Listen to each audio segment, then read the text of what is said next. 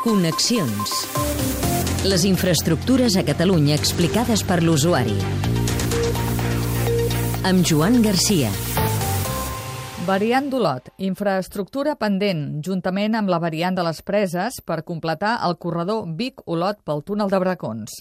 Ha de reduir el trànsit que travessa la capital de la Garrotxa i millorar-ne la mobilitat i la connectivitat. Avui una infraestructura que encara no hi és, però que clama al cel, la variant d'Olot. Des que fa 10 anys es va obrir el túnel de Bracons, el trànsit de camions fa necessària aquesta actuació a la capital de la Garrotxa per solventar l'actual situació i connectar el trànsit des de Bracons a Besalú. Som a l'Avinguda Sant Jordi d'Olot amb la Duaita Prats, veïna d'aquest carrer, un carrer que es fa servir de carretera, podríem dir? Sí, sí, ho dius correctament. És un carrer en el nucli urbà d'Olot que s'està fent servir de carretera, amb, amb, per la qual doncs, estan poguent passar tot tipus de vehicles, inclús vehicles que no haurien d'estar passant per un tram urbà. L'Avinguda Sant Jordi, però que aquí a Olot ja es coneix com el Vial.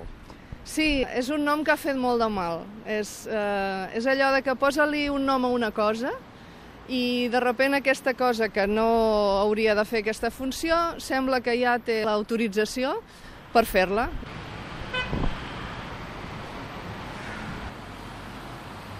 Passen camions de 4 eixos, de 5 eixos, eh, tranquil·lament, camions que volten les 25-30 tones. Això és eh, de dia, és de nit, entre setmana, és en festius. Quan es va obrir el túnel de Bracons hi havia tot un seguit de restriccions i a la gent del territori se la va tranquil·litzar amb que no patissin perquè això estaria molt controlat i molt vigilat. Això seria un, un, un tràfic gairebé comarcal o intercomarcal. Ara en passa un eh, d'una cadena de supermercats amb un doble remolc. Sí, i tant. I veiem que les cases són, almenys en aquest tros, pràcticament a tocar. Veuràs passar camions de qualsevol matrícula. O sigui, el trànsit intercomarcal és curiós quan veus matrícules d'Holanda. Les cases, com dius, són a tocar. Bueno, tu ho estàs veient, hi ha unes voreres que, que són eh, doncs, estretes, eh, l'asfalt està molt malament, eh, veia, el que hi ha, eh, van tapar els forats, això val a dir-ho, però per, per, pel de més doncs, eh, veuràs que la planificació vial és molt estranya, perquè en aquest petit tram doncs, hi ha eh, sis semàfors en escassos 50 metres, eh, això provoca mm, sovint unes cues tremendes, hi ha una concentració de CO2 i d'òxid eh, nitrogen dels dièsels importantíssima. De nit es corre molt? De nit es corre que ni t'ho imagines. La velocitat màxima en aquests moments és de 50. Però jo et dic que aquí vens amb un medidor de velocitat i et trobaràs vehicles de tot tipus que de nit passen aquí a la velocitat que volen. Per què?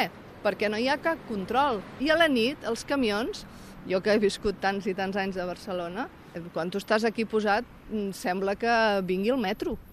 És com si vingués al metro. Ara, ara està siguent regalat amb la amb les olors, amb les aflaires d'Olot, eh? Està passant un camió de porcs, senyors. De tot això, fa pocs mesos n'ha sortit una plataforma, de fet aquest tram central de, de, de, de l'Avinguda Sant Jordi està ple de, de, de pancartes on s'hi pot llegir no és un vial, eh, és un carrer. Com sorgeix aquesta plataforma? És per un pòsit, diguéssim, de 20 anys de reivindicacions, però sobretot sorgeix perquè en un moment donat hi ha una reunió de veïns en la qual es reclama que se'ns arrangin de manera immediata els gairebé 100 forats que presentava la via i eh, en aquell moment la, la resposta que hi ha eh, és que mm, sí, sí que es farà, però s'han d'esperar un parell o tres mesos més d'un problema que el que estava provocant és una inseguretat vial important, perquè la gent començava a esqui, esquivar-los ja, els forats fent zigazaga, i després tot l'impacte que això té en les cases. Les cases vibren d'una manera important davant del pas de, tots aquests camions que veus. Si a més ensopeguen forats, com pots imaginar, la, la vibració començava a ser ja de damnificació. Ara l'Ajuntament ha anunciat mesures, com ara reduir la velocitat, posar radars de control, espais verds a les voreres, de les dues potes, diguéssim, de les nostres reivindicacions, per una banda, impulsar la circunvalació d'Olot i, per l'altra banda, impulsar un pla important de pacificació de, de tot aquest tram, la reivindicació d'impulsar la pacificació per nosaltres és importantíssima perquè la circunvalació està tardant. I a la Generalitat què li demaneu? A la Generalitat que compleixi amb el deute que té des del moment en què va obrir una infraestructura, com és el túnel de Bracons, que significava el primer tram d'una obra que tenia la seva continuació, en concret amb, amb tot el que és la circunvalació d'Olot. I, I després, eh, lògicament, doncs, pel mig eh, hi ha tot el tros de la Vall d'en Bas. I després, pels mil problemes que hi hagin pogut haver, polítics, econòmics, etc, doncs això ho deixa aturat. No, no ens ho mereixem. Isidre Gavín, secretari d'Infraestructures de Mobilitat. Al voltant d'uns 350.000 euros eh, dedicarem a la millora del vial Sant Jordi.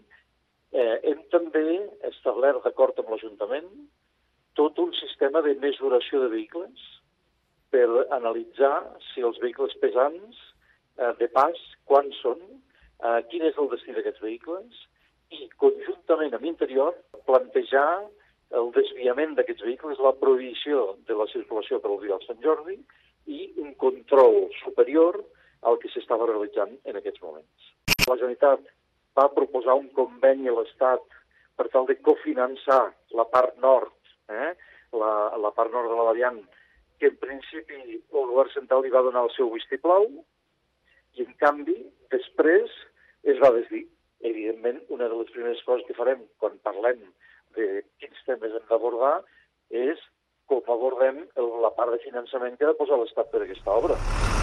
Qui, després de tots i tots aquests anys, faci possible la construcció d'aquesta circunvalació d'Olot i sigui capaç d'ordenar aquest problema, crec que aportarà el canvi més important i, i més en positiu eh, sobre l'afectació directa de les persones, probablement de la història sencera del municipi. Muntatge de so, Salva Pou. Connexions. També disponible al podcast.